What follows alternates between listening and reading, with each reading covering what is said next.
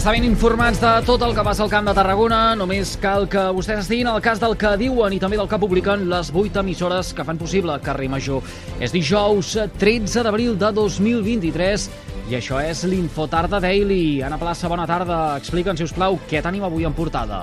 Bona tarda, Eduard. Doncs avui comencem eh, traslladant una cosa que ahir ja intuïem i que s'acaba de confirmar, i és que Protecció Civil trasllada a l'Estat els problemes que hi va haver amb el sistema d'alertes d'emergències, uns problemes que es van detectar en la prova que es va fer ahir.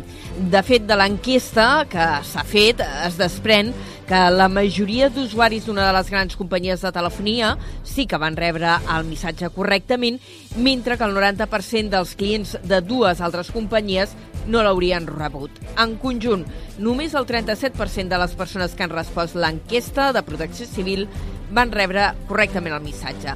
El cap del Servei Territorial de Protecció Civil a Tarragona, Joan Carles Francesc, ha destacat que aquest tipus de proves eh, precisament serveixen per detectar problemes com aquests. Els simulacres sempre funcionen perquè ens ajuden a, a, a avaluar les coses que, bueno, les coses que van bé, evidentment, i les coses que no van bé per millorar-les. Eh? I penseu que aquest sistema és molt nou, eh?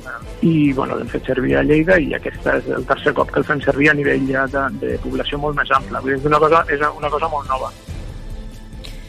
Doncs eh, declaracions, per cert, en aquest programa a carrer Major i aquests problemes que s'han detectat amb el sistema d'avisos d'emergències als mòbils s'han traslladat directament a la Direcció General de Protecció Civil del Ministeri de l'Interior, que és la creadora i administradora d'aquesta eina d'enviament massiu de missatges.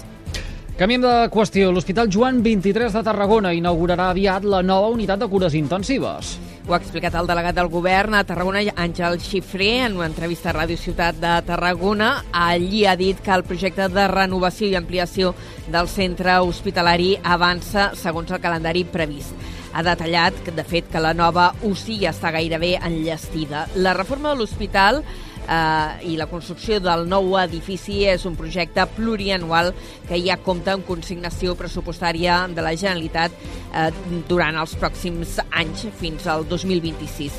Xifré també ha valorat la construcció de dos hospitals privats a Tarragona i que sabem que hi ha mancances, i així ho va dir el mateix conseller de Sanitat, el Manel Balcells ho va comentar, doncs que cal protegir o millorar les condicions laborals dels treballadors laboralment, el que és la, la sanitat pública està millor que no pas la privada, eh? diguem així. El que fan molts és complementar també, eh? vull dir, molts professionals d'aquest sector complementen, eh? El delegat també ha dit que encara no s'ha decidit si el centre d'atenció primària de la Granja es transformarà en un centre d'urgències d'atenció primària. Més coses, la sofrera de Pallarès no s'instal·larà finalment a Montbrió del Camp.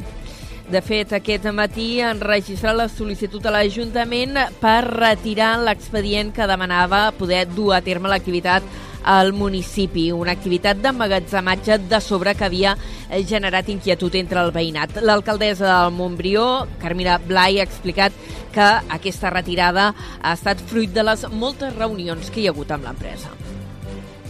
Més coses, l'Associació Departamentistes de Tarragona ha presentat al·legacions contra l'ordenança que regula els habitatges turístics a Vandellós i l'Hospitalet de l'Infant. De fet, no estan d'acord amb diversos dels punts que regulen en aquesta ordenança, per això han presentat aquest recurs.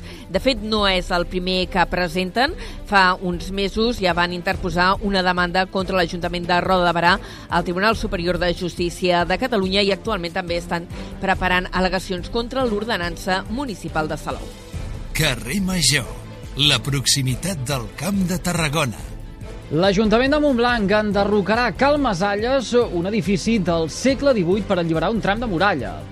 La Junta de Govern local ja ha aprovat aquest projecte d'enderroc que comptarà amb un pressupost de 27.000 euros. Es tracta d'un edifici de finals del 18 que va tenir eh, la funció d'hostal. Després d'estar 100 anys en servei, va ser utilitzat com a casa particular i després caserna dels bombers.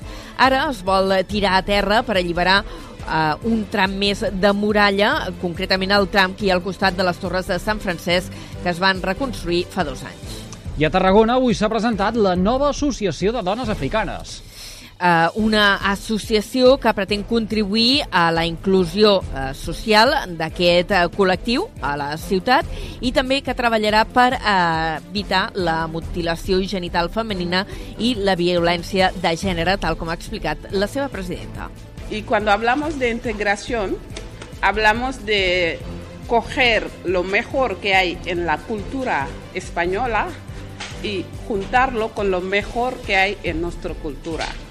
Y la asociación también lucha por la contra la violencia de, la, de género y lucha contra la mutilación genital femenina y también los matrimonios mm, de, de menores también.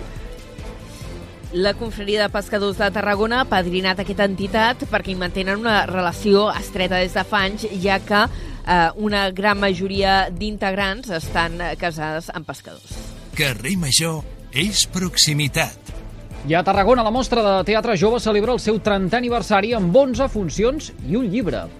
Hi haurà la participació de grups habituals a la mostra, com Histrionis Teatre o Vis de Vanadi, però també hi haurà la incorporació dels estudiants del grau professional de teatre eh, que s'ha estrenat a l'Institut Martí i Franquès. Bona part de les representacions seran eh, espectacles de creació pròpia, eh, però també hi haurà eh, obres de text, eh, com per exemple un Shakespeare amb el somni d'una nit d'estiu o un text d'un autor tarragoní, en Joan Cavaller, eh, per cert, eh, fins fa poc treballador de l'Ajuntament de Tarragona a l'àrea de cultura, amb un dels seus textos més coneguts, Peus descalços sota la lluna d'agost. Carrer Major, fent camp de Tarragona. Va, que dit tot això, hem de conèixer quin temps ens espera de cara a les properes hores. Connectem amb el Servei Meteorològic de la xarxa. Lluís Pérez, hola, molt bona tarda. temps molt menys càlid que no pas ahir. Han baixat les temperatures d'una forma evident al prelitoral, a Tarragona, a Barcelona, que és on ahir teníem temperatures desorbitades, i al llarg d'aquesta tarda poc més de 20-21 graus. També atenció amb el vent, que serà el protagonista de gran part de la Catalunya central, de les comarques de Lleida, de Barcelona i també de Tarragona. En el cas de Barcelona, fins al Vallès Oriental i al sud del Maresme bufarà amb força al llarg d'aquesta tarda. En canvi, a Girona aquest vent serà molt més feble i allà tindrem els núvols més gruixuts. Acabaran deixant alguns ruixats o fins i tot algunes calamarsades, especialment entre el Gironès, la Selva i el Baix Empordà. La nevada del Pirineu anirà a més, cota de 1.000 metres, sobretot a l'Alt Pirineu, i aquesta sensació de fred a l'alta muntanya. Demà tindrem ja un temps amb menys ruixats, cota de neu que puja i el vent que continuarà bufant però ja menys que avui. Sobretot serà cap al sud de la Catalunya central, on bufarà més aquest vent. Ho anirem seguint aquí a la xarxa. Ara sí, doncs ho deixarem aquí a la plaça. Gràcies per aquesta pinzellada informativa amb el més destacat de la jornada del Camp de Tarragona. Fins després. Adéu-siau. I tots vostès poden recuperar l'Infotarda Daily d'aquest dijous 13 d'abril des de les xarxes socials, així com els serveis de ràdio a la carta de les 8 emissores que cada tarda passegen plegades pel carrer Major. Gràcies, com sempre, per seguir-nos.